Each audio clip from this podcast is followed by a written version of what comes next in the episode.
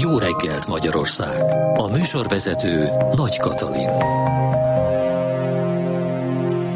Növekszik a fertőzöttek száma a környező országokban, Ukrajnában, Romániában, Szerbiában és Ausztriában is. Merkeli Béla professzor tegnap itt a Kossuth Rádióban azt mondta, hogy meg kell akadályozni a vírus behurcolását külföldről.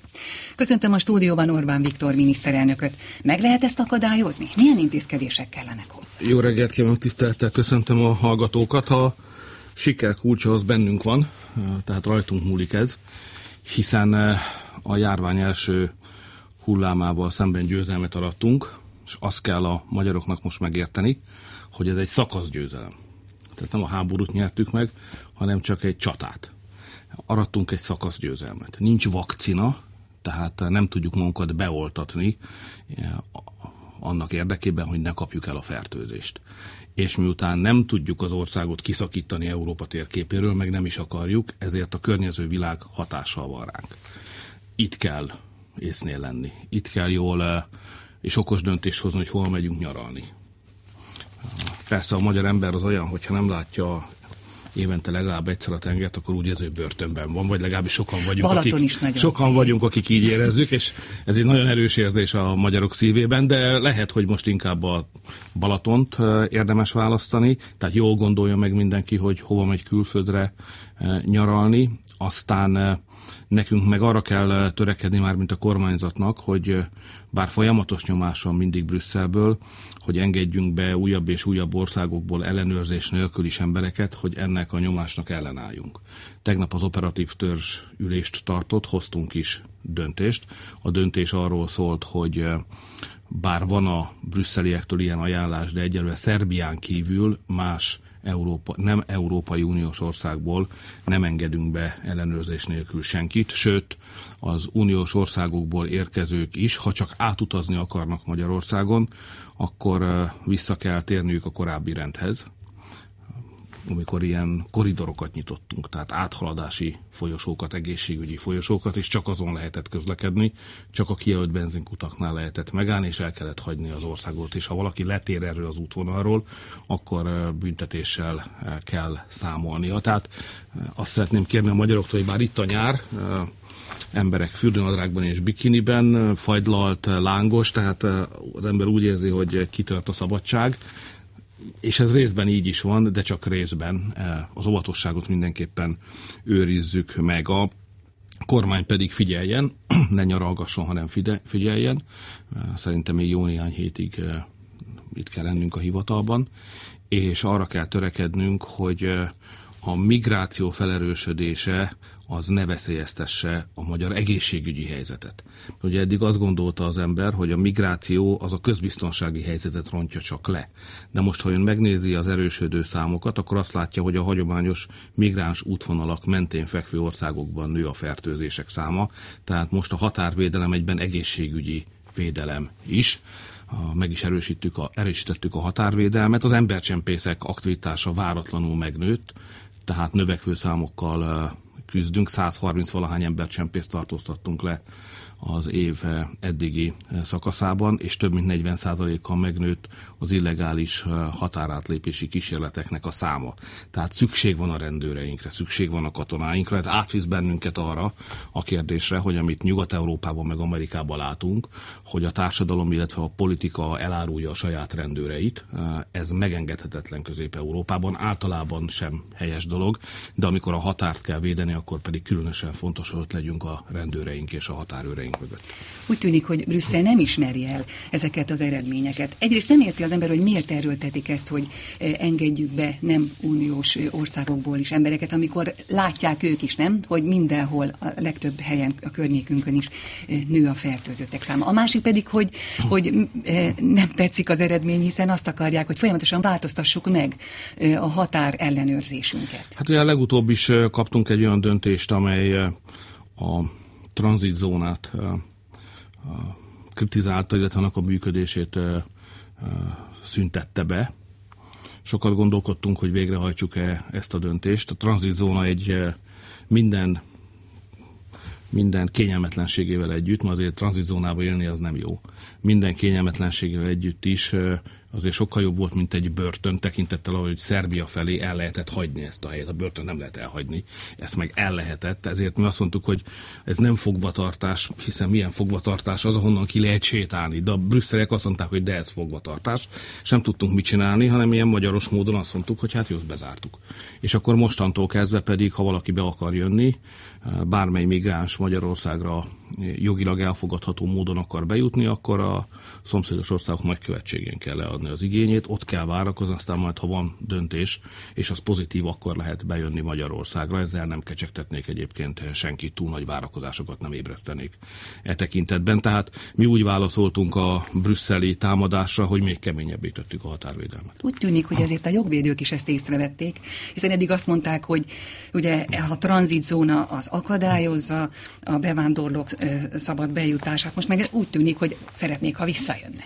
Hát nézze, én nem akarom mutatni a hallgatókat, de, de azért fölidézem, hogy azért Röszkénél a határ mentén voltak zavargások, és ha kinyitja az ember a televíziót, akkor azt látta a múlt héten, hogy Bécs, Bécsben, Bécsben, ami mégiscsak a tisztaság meg a rendezettség mértékegysége a magyar fejben, etalon, ott zavargások voltak a Stuttgart Németország, ami a rendvilága a magyar fölfogás szerint, ott bandaháborúk zajlottak. Szóval ha azt akarjuk, hogy Magyarország továbbra is békés, biztonságos és nyugodt hely legyen, akkor a migrációval szemben a legkeményebben kell föllépnünk, és ezt így is fogjuk tenni. Nem is érzem magam elárvultnak, ha Brüsszel el kell vitatkozni, mert az az érzésem, hogy az ország elsőprő többsége ezt az álláspontot támogatja. Volt erről is nemzeti konzultáció, megkérdeztük az embereket, nem csak parlamenti választási eredmények vannak a hátunk mögött, amikor a mi programunkat támogatták eh, nagy többsége az emberek, hanem nemzeti konzultációt is tartottunk. Módja volt az embereknek több részletkérdésben is kifejteni az álláspontjukat. E szerint járunk el, mindenki biztos lehet abban, hogy a nemzeti konzultációk azok iránytűként szolgálnak a kormány számára. Ez a migrációban is így volt, és így lesz a járványügyi védekezésben is. Hogyha volt korábban a migrációról több kérdés és nemzeti, sőt, volt egy nemzeti konzultáció, ugye, ami az egész kérdéskört körüljárta, akkor most miért van szükség újabb kérdés feltevésre? Hát most már a migrációnak és a, a járványügynek az összefüggéséről kérdezünk. Alapvetően persze az egész nemzeti konzultációs kérdőív most inkább az egészségügy, a gazdaság újraindítása, a járvány körül forog, de ez összeér néhány ponton a migrációval, így van olyan kérdés, ami egyszer vonatkozik mindkettőre. Én megértem Brüsszelnek azt a törekvését és ösztönrendszerét, hiszen mégiscsak alapvetően egy gazdasági közösségről van szó, hogy minél hamarabb újra akar indítani a gazdaságot. Vannak országok, amelyek komoly bajban vannak. Ezt a magyarok általában nem nem szokták elhinni, azt hiszem, vagy nem veszik komolyan. Tehát mondjuk, hogy Olaszországban az államadóság az az éves nemzeti össztermék 130 százaléka. Hát 60 fölött már egészségtelen a helyzet, mi is 70 környékén vagyunk, és nyomjuk lefelé, hogy 60 alá megy, 130. De Franciaország, ami mégiscsak Európa egyik nagy hatalma, az pillanatokat föl fog menni 115-120 százalékos eladósodó. A görögökről nem is beszélek. De még olyan mintaországok, mint Belgium is. Tehát itt azért itt komoly baj van. Spanyolországban néhány év alatt 31 néhány százalékról fölment 90 százalék fölé az államadóság. Ez azt mutatja, hogy ezek a gazdaságok nem versenyképesek, és nem képesek annyi jövedelmet megtermelni, mert nyilván nem tudják eladni a portékáikat olyan áról, ahogy árulják, és olyan minőségben, nem tudják megtermelni azt az összeget, amit egyébként elköltenek. Most Ugye egy magyar ember azt hiszi, hogy ilyen csak a szocializmusban történhetett meg, meg hogyha baloldali kormányok vannak, ilyen volt nálunk is Magyarországon, de az élet normális rendjének azt tartja az ember, hogy egy ország nem költ többet, mint amennyit egyébként képes megkeresni. És bennünket, az államügyekért felelős embereket is leginkább erre intenek a magyar választópolgárok különböző módon, hogy nehogy már eladósítsuk az országot, mert aki adós, és ráadásul nem versenyképes a gazdasága, az kiszolgáltatottá teszi magát. És azt gondolják a magyar emberek, hogy mint a nyugatra általában föl szoktunk nézni ugye ezt tanuljuk az iskolába, és így tovább. Hogy nyugaton biztosan jobban mennek a dolgok, mint itt. Ott biztos a pénzügyek rendezettebbek, mint Magyarországon, és így tovább. De ha az ember úgy, mint én, benne van a dolgok sűrűjébe, akkor azt látja, hogy nem így van. Közép-Európában, Lengyelországban, Csehországban, Szlovákoknál nálunk a pénzügyek sokkal inkább rendezettek. A gazdaság sokkal inkább versenyképes. Az igaz, hogy volt 41 néhány évig kommunizmus, ami kifosztott bennünket, ezért mi szegényebbek vagyunk, mint a nyugatiak,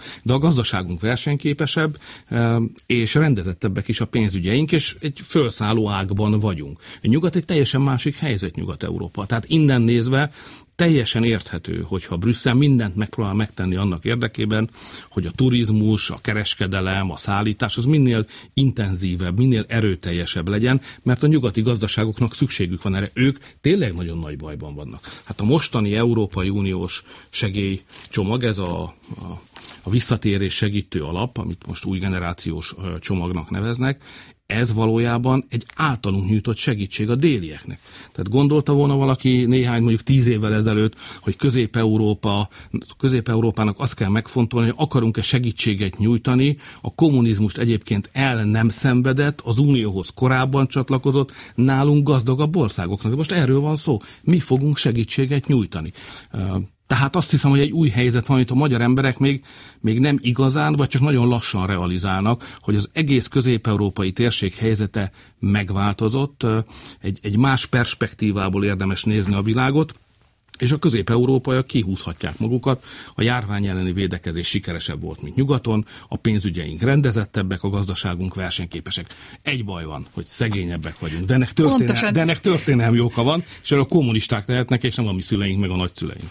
Pontosan erre akartam utalni, hogy azért azt tudjuk, hát megnézzük a számokat, hogy az egyfőre jutó GDP Franciaországban, vagy Spanyolországban, vagy Olaszországban, de még talán Görögországban is magasabb, mint Magyarországon. Tehát úgy érzi az ember, amikor arról beszél Brüsszel, hogy úgy kellene elosztani ezt a bizonyos újraindítási ö, csomagot, hogy hát a déli országok járjanak jól, hát de mi meg még csak most törekszünk fölfelé. Szóval miért járjunk mi rosszul, vagy a v miért járjanak rosszul? Hát sok szempontot kell összeegyeztetni. Én gyakran ostorozom a brüsszeli bürokratákat, de elismerem, hogy nincs könnyű dolguk, mert sok különböző szempontot, és Európa teljesen más helyzetben lévő, gazdasági helyzetben lévő régióinak az érdekeit kell összeegyeztetni.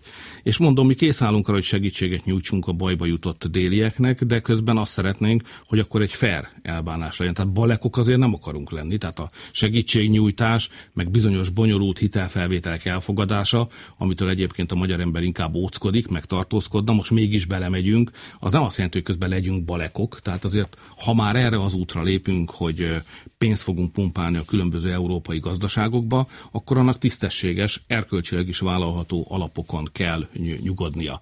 Ezért van vitánk, áll is a bál Brüsszellel egyébként, tehát a következő két-három hétben majd arról fognak hallani leginkább a tisztelt rádió hallgatók, hogy milyen kés hegyre menő viták zajlanak Európában a gazdaság újraindításának kérdésében.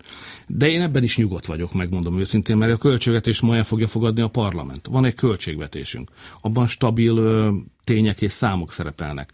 Van benne egy komoly járvány felkészültséget segítő járványügyi alap, és van benne egy gazdaságvédelmi alap. Mind a kettő jól fel van töltve. Mind a kettő működni fog. Kihelyeztünk sok százmilliárd forintot az elmúlt időszakban beruházásokra. Azok meg fognak valósulni a következő hat hónap, egy év során. Tehát én, én a magyar gazdaságot, bár most harcolnunk kell, mert csak egy szakasz győzelmet arattunk, és egy Tour de France, vagy egy ilyen biciklis verseny, az több szakaszból áll, és az elsőt megnyertük, most a második szakaszt kell megnyernünk, egy második csatát, ez a munkahelyvédelem, hogy ahogy vállaltuk, amennyi munkahelyet tönkretesz a vírus, legalább annyit teremtsünk mi magunk. Ez a második szakasz, ezt a csatát vívjuk. Ennek egyik eszköze a költségvetés, és az, ha az ember elolvassa azt a költségvetést, akkor látja, hogy persze nem lesz kolbászból a kerítés, de nagyon komoly dolgok lesznek, mert azért mégiscsak hozzá fogunk kezdeni a 13. havi nyugdíj visszaépítéséhez válság idején azért mégiscsak olyan intézkedések is vannak benne a válságkezelésen túl,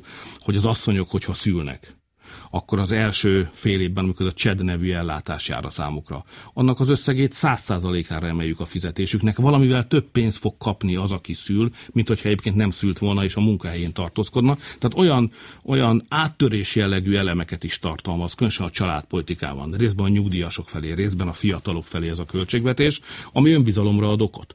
Tehát én Én úgy látom, hogy nehéz év a 20-as, a 21-es évben is harcolni kell a munkahelyekért, de összességében nem egyszerűen fény van az alagút végén, hanem, hanem lehet látni, ahogyan ebből az egész válságból megerősödve kerülhetünk ki. Nem mondom, hogy biztosan így lesz, de kerülhetünk ki. Ha továbbra is óvatosak leszünk, nem engedjük, hogy a járvány ismét felszaladjon. Ha jól készülnek fel az egészségügyi szakembereink, akiknek köszönetet mondok a tegnapi Semmelweis nap alkalmából is az eddigi hősies munkájukért, ha ők jól végzik a munkájukat, akkor nem lesz második hullám. Ha észnél vagyunk a határvédelemnél, és ha a költségvetést végrehajtjuk, és továbbra is a beruházásokat és a munkahelyteremtő, értékteremtő gazdasági tevékenységet támogatjuk, és nem engedjük, hogy baleknak nézzenek bennünket nyugaton. Ha ezeket sikerül összerakni, akkor szerintem ebből a válságból Magyarország megerősödve kerülhet ki költségvetésről, amiről ma szavaz a parlament. Ugye az ellenzék általában nem szokta megszavalni ezeket a költségvetéseket. Két jeles MSZP-s politikus, akik mindig nagyon szoktak aggódni az egészségügy meg az oktatásügy helyzetért, néhány száz milliárdos javaslattal ők még ezt megerősíteni ezt a két területet. Szóval hogyan lehet azt elérni, hogy egy költségvetés arra a helyzetre, amire megszületik, biztosítékot nyújtson? Hát ugye a, az ilyen egyszerű gondolkodású ember, mint én is vagyok, azt hiszem már elvesztette a fonalat, hogyha a baloldalról van szó. Én már nem tudom, hogy mit csinálnak. Tehát először is nem álltak oda az ország mellé a bajban. Az erejükből folyamatosan nemekre futotta, meg egy kamu videóval rémítgették az országot, amit az elmúlt 30 év erkölcsi mélypontjának tartok. Tehát, hogy embereket a halálfélelmükre, a betegségtől való félelmükre appellálva, azt kihasználva, próbáljanak politikai szimpátiát gerjeszteni maguk iránt és ellenszembet a kormány iránt, úgyhogy egyébként valótlan tényekre épül mindez, ez egy olyan mélység, ami szinte beláthat, ez egy szakadék.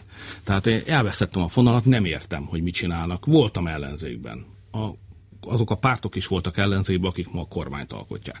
És nem állítom, hogy hibátlanok voltunk ellenzékben. De az, amit a baloldal csinál most, az egész egyszerűen fölfoghatatlan ha baj van, oda kell állni az emberek meg az ország mellé. Akkor nem lehet Brüsszelbe szaladgálni, hogy följelentsenek bennünket. Ezt csinálták egyfolytában. Azért dolgoztak, hogy gyengüljön a válságkezelő képességünk. Utána meghamisítják a tényeket, és folyamatosan arról akarják meggyőzni az embereket a félelemre appellálva, hogy óriási baj van az országban. Miközben mi vagyunk az egyik legsikeresebben védekező európai ország. Tehát én elvesztettem a fonalat, a költségvetésben elmondott hozzászólásaikat figyeltem, abban nem találtam semmi logikát, úgyhogy egyelőre nem tudunk más tenni, mint a kormány által benyújtott költségvetést fogjuk megszavazni. Azt meg már végképp nem értem, hogy mi szükség van arra, hogy kilopkodják a postaládából a konzultációs kérdőíveket, és megfosszák az embereket attól a lehetőségtől, hogy válaszoljanak. Hát persze én arra kérek mindenkit, hogy töltse ki és küldje vissza.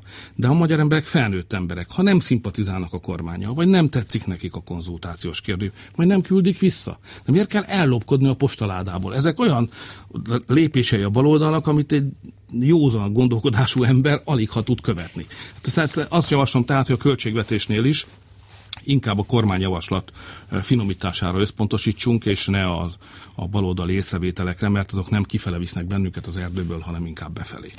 Igen, de nem csak lopkodják ezeket a borítékokat ki a postaládából, hanem van olyan képviselő, független képviselők, akik azt kérik az emberek, hogy nekik küldjék vissza. Ugye itt adatvédelmi aggályok is felmerülhetnek. Miért gondolja azt a baloldal, hogy ha a kormány számára sikert hoz egy ilyen konzultáció, akkor ők is sikerhez juthatnak azáltal, hogyha valahogy megpróbálnak rákapcsolódni, vagy pont ellenállni ennek? Nekem nem az a dolgom, hogy megértsem a baloldalt, hanem az a dolgom, hogy próbáljak az ország javára döntéseket hozni, de ez nem zárja ki, hogy néha beleképzeljük magunkat az ő helyzetükbe, és az nem könnyű. Hát, ha belegondol az ember, hogy milyen egy hagyományos baloldal, akkor a hagyományos baloldal az mondjuk támogatja a nyugdíjasokat. Hát a mostani kormány éppen visszavezeti azt a 13. havi nyugdíjat, amit ők elvettek. Ugye egy rendes baloldal azt támogatja a béremeléseket. Ők 13. hogy fizetéseket vettek el, egy havi jövedelmeket vettek el, mi pedig folyamatosan emeljük a béreket. A parlamentbe szoktam velük csörtézni, és akkor csak annyit kell tennem, hogy azt mondom, hogy rendben van, uraim, hát önök 8 évig kormányoztak. Nézzük, mennyi volt a minimálbér. Nézzük, mennyi volt az átlagbér. Nézzük, mennyi most. Majdnem a duplája. Miről tetszenek beszélni? Tehát nem, ne, nincs könnyű dolga természetesen a baloldalnak, mert Magyarországon nem ideológia alapon szerveződő kormányunk van Persze mi ezt jobboldali kormánynak mondjuk, mert nemzeti és keresztény értékek alapján áll, de ha a programját nézzük, akkor ez egy nemzeti kormány, és a nemzetben a baloldali gondolkodás is benne van. Az is egy hagyomány, még ha néha vitázunk is vele. És azért olyan szociális programokat, olyan családvédelmi programokat is tartalmaz a mostani kormánynak a működése, amely korábban inkább hagyományosan baloldalnak volt tekinthető. De most egy nemzeti kormányunk van, egy nagy, széles, erős nemzeti kormányunk, amely nemzeti érdekegyesítésre törekszik. És ezért ilyenkor nagyon nehéz valahogy pozíciót fogni egy ilyen kormányal szemben. Azt a kérdést kéne föltenni, és miért is kell egy ilyen kormányal szemben pozíciót fogni? Hát lehet úgy is természetesen baloldalinak lenni, hogyha jobboldali kormány van, azokat az elemeket, amelyek a baloldal gondolkodásával egybeesek, mondjuk támogatják nem kritizálják, hanem támogatják. Itt van például az egészségügy. A következő évben is jóval többet költünk egészségügyre, mint az előző. Ezt lehetne támogatni. Oktatásra is többet költünk. Azt is lehetne támogatni. De az ember mindenre nemet mond, akkor arra a sorsa jut, mint amilyen sorsban most szenved a baloldal. Az Európai Unió helyreállítási csomagjáról már ejtettünk szót, a 7 éves költségvetésről, aminek a tárgyalásai szintén zajlanak. És azért itt még, ha visszatérünk erre a helyreállítási csomagra, az is egy érdekes megfigyelés, hogy azért volt arra javaslat, hogy megpróbálják megosztani a v mert például Szlovákiának többet kívántak juttatni, mint Lengyelországnak vagy Magyarországnak. Hát ilyen törekvések mindig vannak. Én aztán rövid kettő perc arra, hogy filozófiai fejtegetésekbe kalandozzék az ember, de azért, ha vetünk egy pillantást történelmi horizontról arra, ami történik, akkor mégiscsak egy meglepő dolgot kell látnunk. Azt kell látnunk, hogy a második világháború végén mondjuk Németországot visszabombázták a középkorba. A második világháború végén bennünket, közép-európaiakat odadobtak a Szovjetuniónak meg a kommunistáknak és a nyugat triumfált, már mint a Németországtól nyugatra eső területek. 71 néhány éve eltelt. Ránézünk a térképre. Németország a leggazdagabb. A britek elhagyták az uniót. Közép-Európa fejlődik. Valami történelmi furcsaság, korszakváltás történik. És most mindenki azt várja, hogy Közép-Európa meg Németország adja az unió versenyképességének a magját, és ettől a régiótól remélik, hogy kihúzza egész Európát a, a bajból. Tehát én úgy látom, hogy lehet szeretni vagy nem szeretni bennünket közép-európaiakat, meg a németeket különösen, de mégiscsak egy középkori állapotból 75 év alatt visszakapaszkodni Európa első számú székébe, hogy most mindenki tőlük várja a pénzt, meg a megoldást, az egy tiszteletre méltó teljesítmény. Csak most okosan kell nekik bánni ezzel az erővel, és nekünk közép-európaiaknak is vigyázzunk kell, hogy elszaladjon velünk a ló, mert látjuk a különbséget, a dinamika, a fejlődésbeli különbséget, de azért eh, meg kell értenünk, hogy együtt kell sikeresnek lennünk. Tehát Európának össze kell tartani, a több esélyünk van arra, hogy eh, egy európai gazdaság részeként legyünk sikeresek, mint külön-külön álló nemzetgazdaságokként. De ez az kell, hogy Brüsszelben ne akarjanak ránk kényszeríteni olyan életmódot, amit a magyar nem akar élni, meg a cseh se akar élni, meg a lengyel se. Tehát hagyják, hogy éljük a saját életünket, és akkor együtt leszünk eh, sikeresek. Ezt kéne a brüsszeli bürokratáknak megérteni, hogy nem a birodalom építés ideje következett el, hanem a nemzetállamok okos összefogásának az ideje. Látok erre nézve némi esélyt, de ezért nekünk közép-európaiaknak, meg németeknek azért rendszeresen küzdenünk és harcolnunk kell. Németország vette át az unió soros elnökségét. Itt a programban nyilván lesznek változások, mint ahogy ezt ők lehet másfél évvel ezelőtt megtervezték. Ön arra számít, hogy ebben a programban eh, Magyarország együtt tud működni a, a, a német elnökséggel? Ha eh, ha fair elbánást kapunk a most zajló gazdasági vitákban, akkor igen. Egy dologban nem fogunk tudni együttműködni eh, nyilvánvalóan a németekkel, ez pedig a menekült ügy, bár próbálkozom, de a tüzet meg a vizet nagyon nehéz eh, egyesíteni, úgyhogy az valahogy működjön. A németek jól láthatóan eh, úgy döntöttek, hogy a demográfiai problémáikat, mert ott is kevés gyerek születik, azt migrációval próbálják orvosolni. Mi magyarok meg ezt nagyon nagy bajnak tartanánk, más a történelmünk.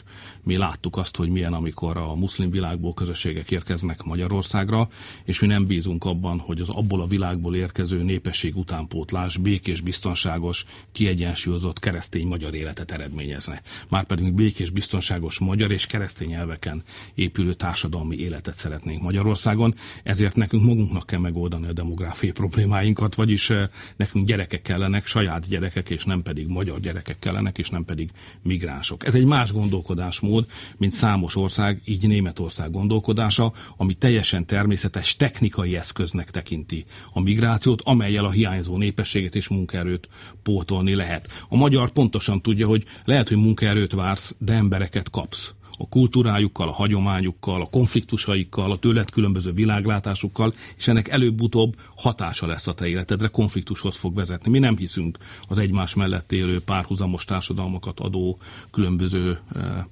népcsoportok eh, békés egymás mellett élésében. Nem ez a tapasztalatunk, és miután nálunk nincsenek migránsok, mi nem is akarjuk, hogy legyenek.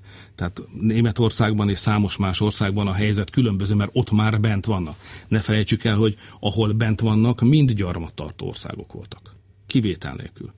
Uh, és hát a gyarmati múltnak vannak következményei. Magyarország nem akarta, hogy gyarmat legyen, soha se akartunk gyarmattá válni, és mi sem akartunk gyarmatokat tartani. Tehát a mi életösztönünk, kultúránk, fölfogásunk ebben az ügyben egészen más. Mi hiszünk abban, hogy Magyarország a magyaroké, és majd magyarok meg is oldjuk a problémáinkat.